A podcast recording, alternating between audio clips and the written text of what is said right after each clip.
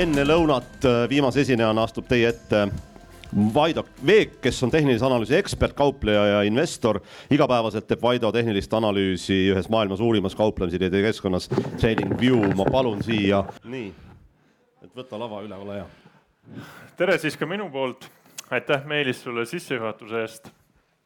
olen siis jõudnud oma suvetuuriga siia mõnusasse ilma aga ma arvan, et ei pea ilma pärast muretsema, sest nagu ütleb hea Tõstamaa vanasõna, et ei ole si halba, ilma on kehv riietus. ma loodan, et need lehed saavad vaikselt igaühele juba kätte, sest et muidu võib sellest tulla üks väga raskesti arusaadav ettekanne. aga see ettekanne hõlmab siis endas kümmet ideed mis on kõik aktsiad. ja ennustame siis, mis võib juhtuda. nagu ütles Kaarel Ots oma investor Toomase konverentsi ettekannes, et kui sa pead tingimata ennustama, siis tee seda võimalikult tihti. ma ei tea, kas ma teen seda nüüd nii tihti, aga igal juhul ma tean seda, et kui ma tulen, siis ma lajatan kohe kümne ideega korraga ja see on loomulikult sellepärast, et kümnest mõni ikka täppi läheb, siis mul on pärast hea targutada. ja Peter Lints on öelnud oma raamatus, et kui aktsia hakkab langema, siis sellest ostukohast allapoole ehk läheb miinusesse, siis tavalised investorid on, reageering on selline, et ah, see oligi mul mõeldud pikaajaliseks investeeringuks. see ei olegi tähtis, et ta praegu ei tõuse aga nagu öeldud, tänased investeerimisteid on siis kümme, mis on jahtatud kahte leeri. esimene osa hõlmab endas seda kardetud koroonaviiruse teist lainet, mis võib tulla sügisel.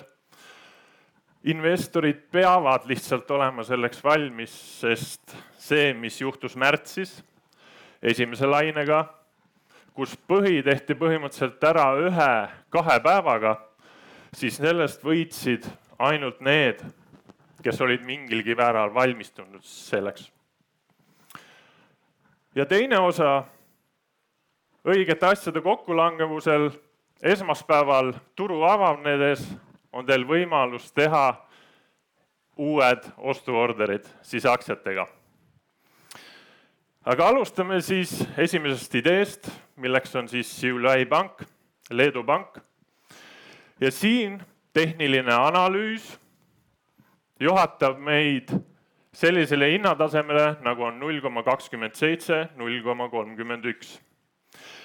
ja lihtsalt kahe kriteeriumiga on võimalus ära tuvastada siis see ostukoht. kahe tuhande üheksanda aasta toetustase. võtame seda siis kui investoritele huvipakkuvat hinnataset selgelt näha, kuidas aktsia osteti ligemale sada protsenti üles aastal kaks tuhat üheksa. ja see on väga suur tõenäosus, et üksteist aastat hiljem võib see täpselt samamoodi käituda. hinnal on oma ajalugu ja ta kipub seda kordama. lisaks on siin teine kriteerium, mis siis aitab teil tulevikus ajastada oste see on siis viiekümne protsendiline langus eelmisest tipust. Siulai pank tegi ära oma tipu kaks tuhat kaheksateist, kaks tuhat üheksateist, milleks on siis null koma viiskümmend kuus. ja lihtne matemaatika juhatabki meid siis sellesse ostualasse null koma kakskümmend seitse, null koma kolmkümmend üks ja kahe kriteeriumi toel ongi meil tuvastatud selline optimaalne sisenemise koht et tehniline analüüs ei pea olema keeruline. piisab tegelikult põgusast pilgust graafikule. aga liigume edasi, järgmiseks teada-tuntud ettevõte Coca-Cola. temagi ootab siis mingil määral seda teist lainet, mitte et me seda tahaks, aga investoritena me peame, oleks sellele, sellele valmis siinsed kriteeriumid, mis siis annavad meile ostukohaks kakskümmend üheksa kuni kolmkümmend neli dollarit per aktsia, on trendijoon, mis kulgeb aastast tuhat üheksasada kaheksakümmend üheksa. jah, just nii palju te peategi aktsiate puhul ja õigete ja tugevate ostukohtade puhul tagasi vaatama, võimalikult palju. See trendijoon toimib nagu trepiaste, nagu praegu siin kolm inimest lähevad trepist üles. see trendijoon mõjub aktsiale täpselt samamoodi. nii kui aktsia tuleb trendijoone peale, ta leiab sellest toetustaseme, millega siis minna uutele kõrgustele lisaks sellele on siin ka veel teine kriteerium, milleks on siis kahe tuhande seitsmenda, kahe tuhande kaheksanda aasta vastupanutase, mis muutub toetustasemeks. kaks tuhat seitse, kaks tuhat kaheksa ei suutnud hind sellest vastupanutasemest läbi murda. tuli selline korrektsioon, langus alla paar aastat hiljem seda siiski suudeti alistada. ja kui meil oli siin juba treppidest juttu, siis võtame mängu ka korrused. oletame, et see kaks tuhat seitse, kaks tuhat kaheksa vastupanutase oli esimese korruse lagi, millest hind ei suutnud läbi minna. aga siiski paar aastat hiljem julges ta minna teisele korrusele. ja sellest laest teisel korrusel saab põrand ehk toetustase. ja antud juhul Coca-Cola aktsia lähenebki sellele eelmisele vastupanutasemele, mis muutub toetustasemeks, moodustades ristumisala trendijoonega. kaks tugevat kriteeriumit ühes jalas koos. lisaks sellele on seal ka veel viiekümneprotsendiline langus eelmisest tipust. aastal kaks tuhat üheksateist teeb ära Coca-Cola aktsia oma tipu, milleks on siis kuuskümmend dollarit ning lihtne matemaatika juhatabki meid siis sinna ostualasse, mis jääb kahekümne üheksa, kolmekümne nelja dollari vahele. Liigume edasi, jällegi üks teada-tuntud ettevõte, Netflix. vot tema võib siin teise laine saabudes olla üks kiire tegutseja. et olge valmis Netflixis kolmsada kolmkümmend kuni kolmsada seitsekümmend viis ja tema kriteeriumid on trendijoon, mis siis toimib kui trepiaste, kolmas puude. see trendijoon kulgeb aastast kaks tuhat kuusteist. Lisaks sellele kriteeriumile on seal vastupanutase aastatest kaks tuhat kaheksateist, kaks tuhat üheksateist, kus siis hind proovis läbi murda kolmel korral. neljandal korral see õnnestus ja sellest vastupanu tasemest saab teadagi, mis. laest saab põrand, vastupanust saab toetustase, moodustades jällegi ristumisala selle trendijoonega. See on selline investoritele huvipakkuv level, hinnatase. Ja mis on investoritele huvipakkuv hinnatase, see, kus need nii-öelda hinnasuuna muutused on siis üpriski järsud. Ja siin on selgelt näha, et see ala on toimunud ajalooliselt. ja lisaks sellele on siin üks uustulija, libisev keskmine, inglise keeles moving average. see on see laineline sinine joon. antud juhul ta näitab viimase saja nädala keskmist sulgumise hinda. sihuke hea, pikk ja lohisev. pankades seda kui te ostate pangast aktsiaid, siis seda nii-öelda indikaatorit kahjuks näha ei ole. aga see aitab ka optimiseerida seda ostukohta. Aitab leida teil seda toetustaset ja antud juhul ta tugevdab väga hästi seda ostukohta, mis siis on märgitud graafikule. Netflix kolmsada kolmkümmend, kolmsada seitsekümmend viis. tasub silm peal hoida järgmiseks siis Berkshire Hathaway. see on selline lihtinvestorite aktsia, Berkshire Hathaway B. A-aktsia on neil momendil kahesaja kuuekümne tuhande juures, on käinud ka üle kolmesaja tuhande üks aktsia. vaieldamatult kõige kallim, aga tänane siis selline ülevaatlik tehniline analüüs B-aktsiale. siin on meil kahe tuhande neljateistkümnenda ja kahe tuhande viieteistkümnenda aasta vastupanutase, mis teadagi muutub uuele korrusele minnes toetustasemeks. Ja lisaks sellele on siin üks väike kriteerium, milleks on sada viiskümmend. see ümmargune number sada viiskümmend on sellepärast väike kriteerium või hea juurdeviiv kriteerium, sest kui hind aktsia hind jääb saja, kahesaja, kolmesaja vahele, siis loomulikult tema kõige tugevamad ümmargused numbrid, mis võivad toimida toetustasemena, on siis need, millel on rohkem nulle lõpus. Aga antud juhul on väga hea, et see sada viiskümmend langeb kokku selle vastupanutasega, mis, tasemega, mis siis nüüd muutub toetustasemeks, aidates ajastada siis seda ostuhetke ümmargused numbrid võivad muutuda ka psühholoogilisteks numbriteks.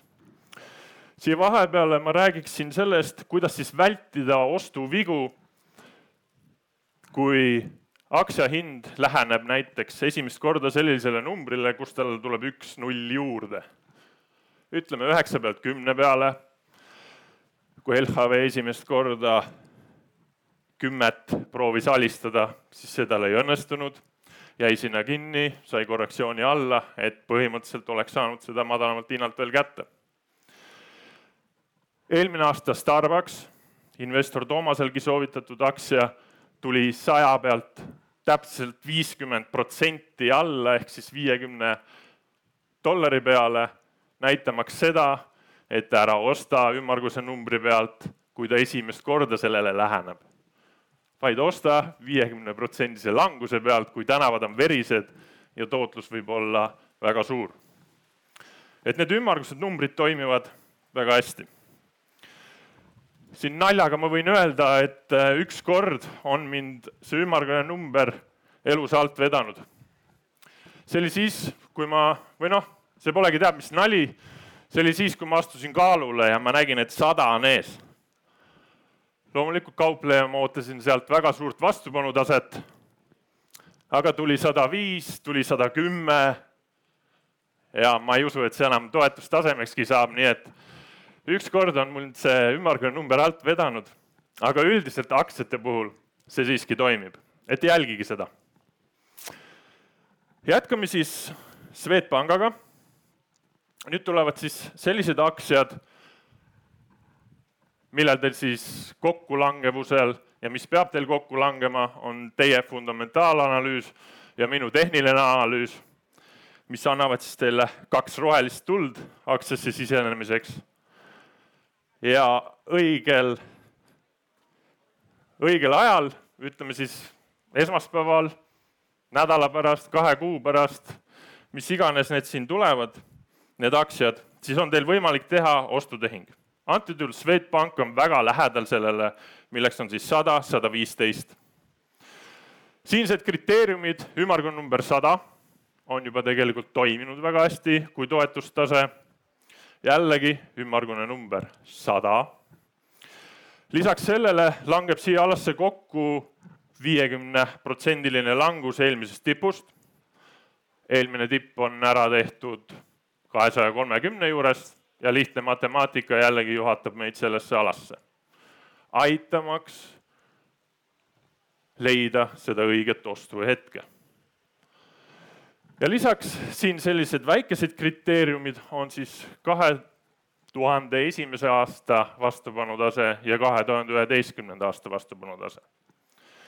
Need ei ole nii selged suunaliikumised, kui te mäletate või kui te vaatate sealt graafikult, oli Issiuli pank selgelt näha, kus on suunamuutus. aga siin Swedbanka puhul momendil nii selged nad ei ole, aga on siiski aru saada, et mingi korrektsioon on toimunud.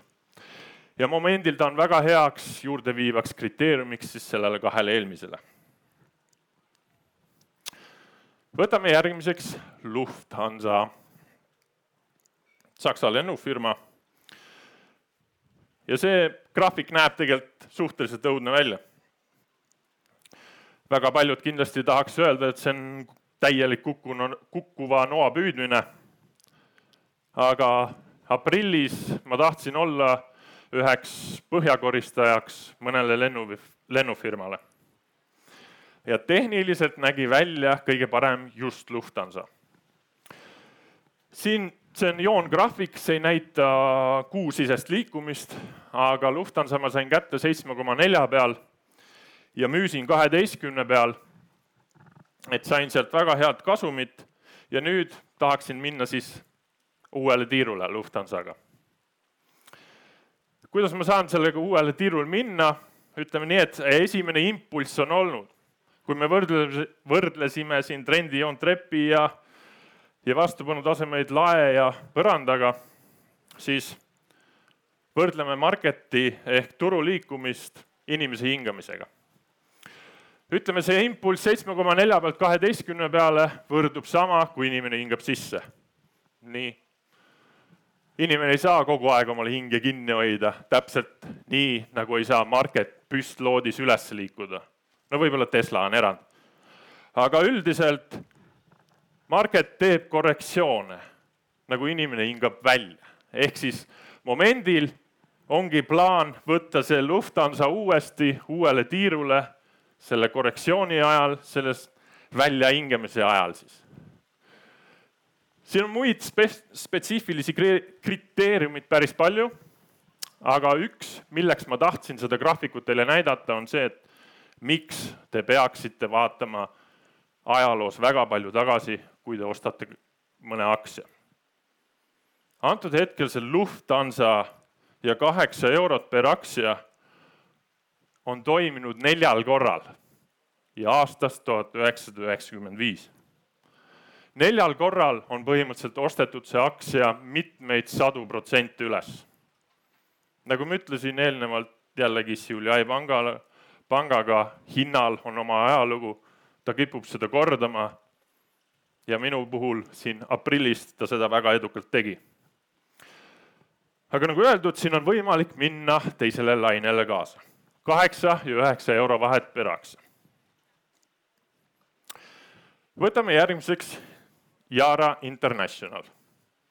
paljudele arvatavasti tundmatu firma, ettevõte, see on siis tegelikult Norra börsilt suur väetis, väetisehiid üks maailma suurimaid väetisetootjaid ja temal tehniline hinnatase kolmsada kakskümmend, kolmsada viiskümmend. langevad sinna kokku kolm kriteeriumit. esimene trendijoon, mis kulgeb aastast kaks tuhat üheksa ja ongi momendil toetamas sinna trendijoone peale, et saada minna uuele korrusele. väga hästi pidas vastu ka siin kriisi ajal lisaks sellele on seal kahe tuhande kümnenda aasta vastupanutase. see on silmaga näha, et seal on toimunud muutus. aktsia on võtnud uue suuna, järelikult pakub see hinnatase investoritele millegipärast huvi. ja antud juhul siin on küll ta toiminud mitmeid aastaid hiljem sibru-säbruna, küll tal on olnud toetustase, küll ta on olnud vastupanutase aga tähtis on see, et nad moodustavad nüüd trendijoonega ristumisala ja ristumisalad on need kõige tugevamad kohad, mida te siis võiksite ja peaksitegi otsima, kui te ostate aktsiaid. kui te tahate tehniliselt osta neid hea koha pealt.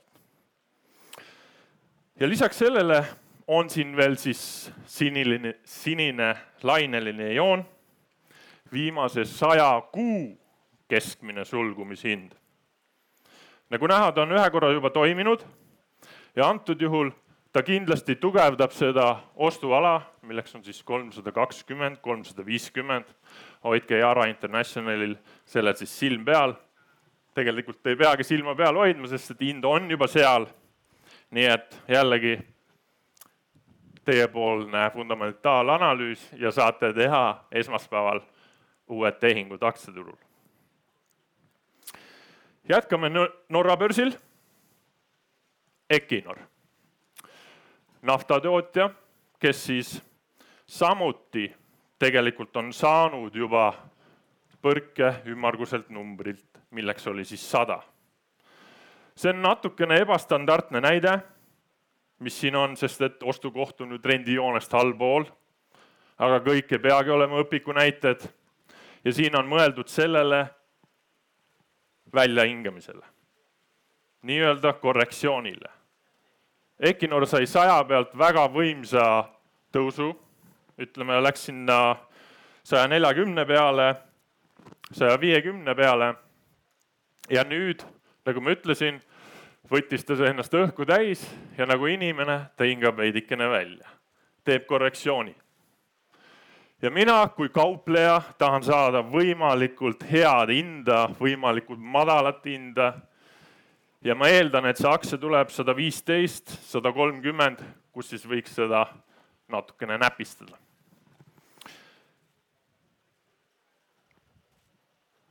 tuleme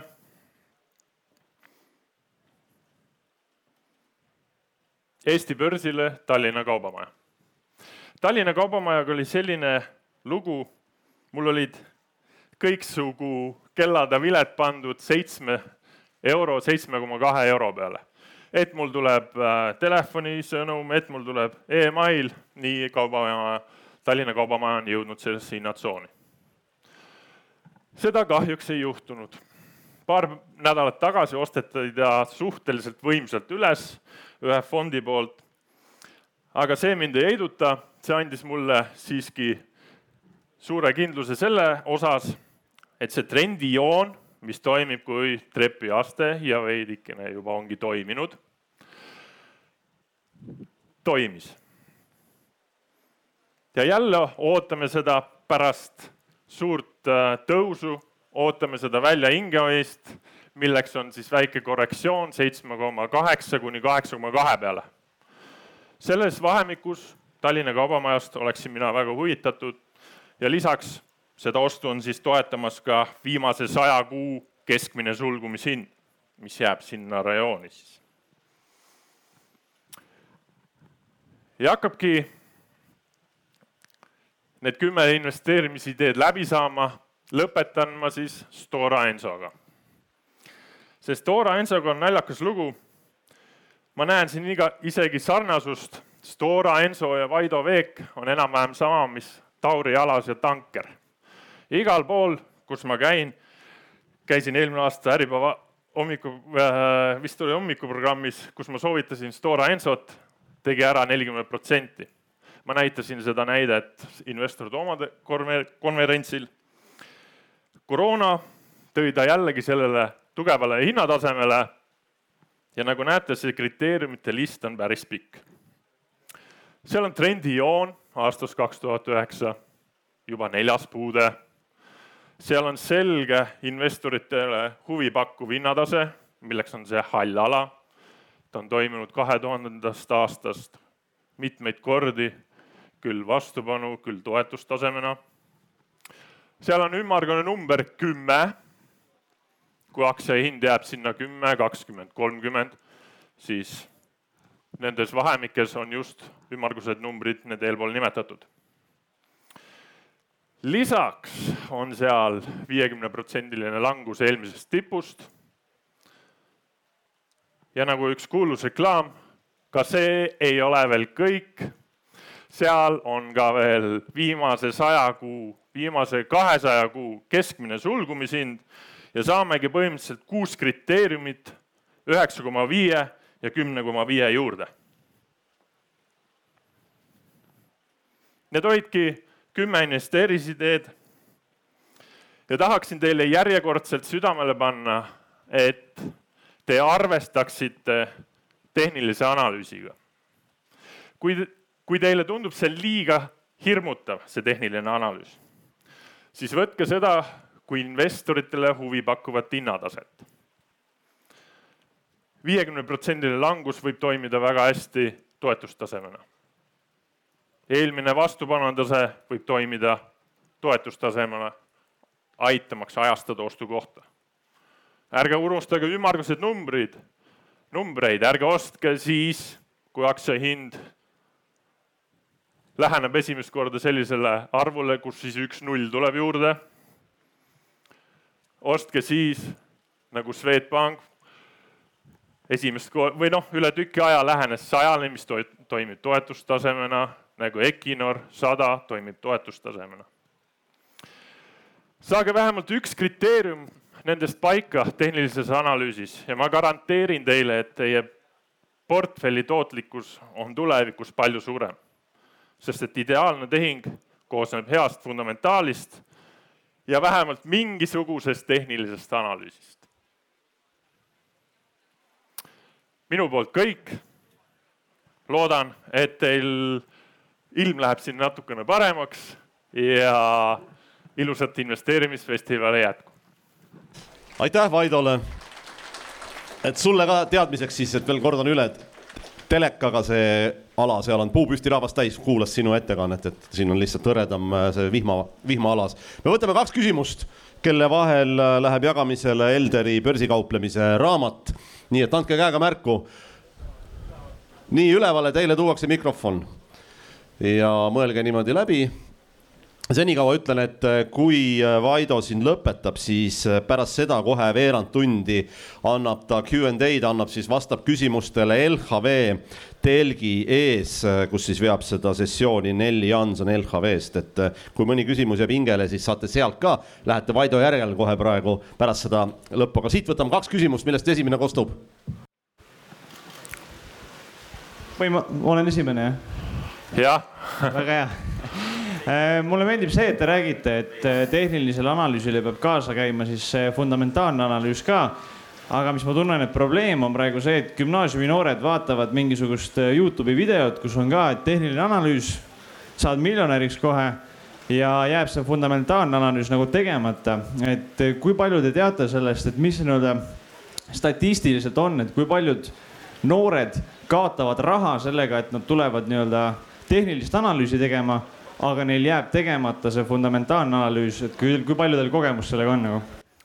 vot ma ei oska öelda nüüd, mis, mis statistikat ja ma siin välja peaks tooma.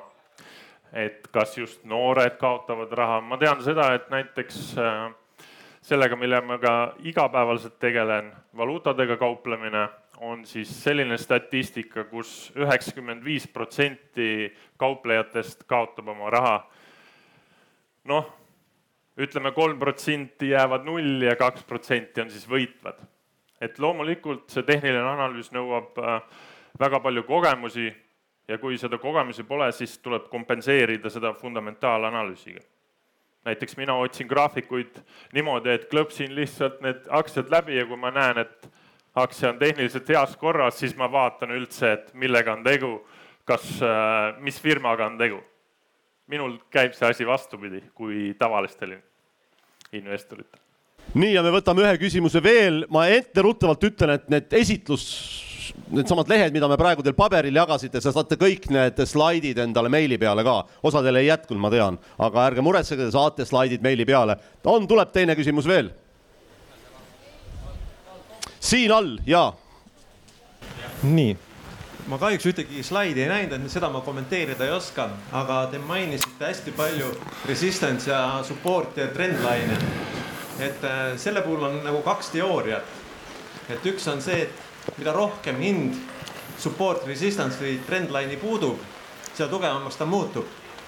ja teine teooria on see, et mida rohkem ta puudub, seda nõrgemaks ta muutub, ehk seda suurema tõenäosusega ta läbi murrab kumba teooriat teie pooldate? Mina pooldan seda teooriat, et ma ootan seda kolmandat puudet ja ma tean, et see toimib äh, kõige suurema protsendina siis toetus või siis vastupanu tasemena. ja ma pooldan ka seda teooriat, ütleme, et ta tuleb viiendat, kuuendat, seitsmendat korda ja ma olen paralleele toonud seda järve jääga. et te loote ühe korra, teist, kolmandat, neljandat ja seitsmendal korral te olete vees läbi järve, järve jää ja trendijoonega võib täpselt samamoodi olla. ta ju, mida rohkem ta puuteid saab, seda suurem on tõenäosus, et sealt võib toimuda läbimurr. Vaida, kummale küsimuse esinejale see raamat läheb? no võtame siis siit lähemale. okei okay,, tulge pärast siis siia, siia lavale, ma ei hakka praegu andma. aitäh Vaidole ja nii, annan sulle selle ka, aplaus. ja nagu öeldud, veerand tunni jooksul Nelli Hansoniga vastab äh, siis Vaido küsimustele seal LHV telgi juures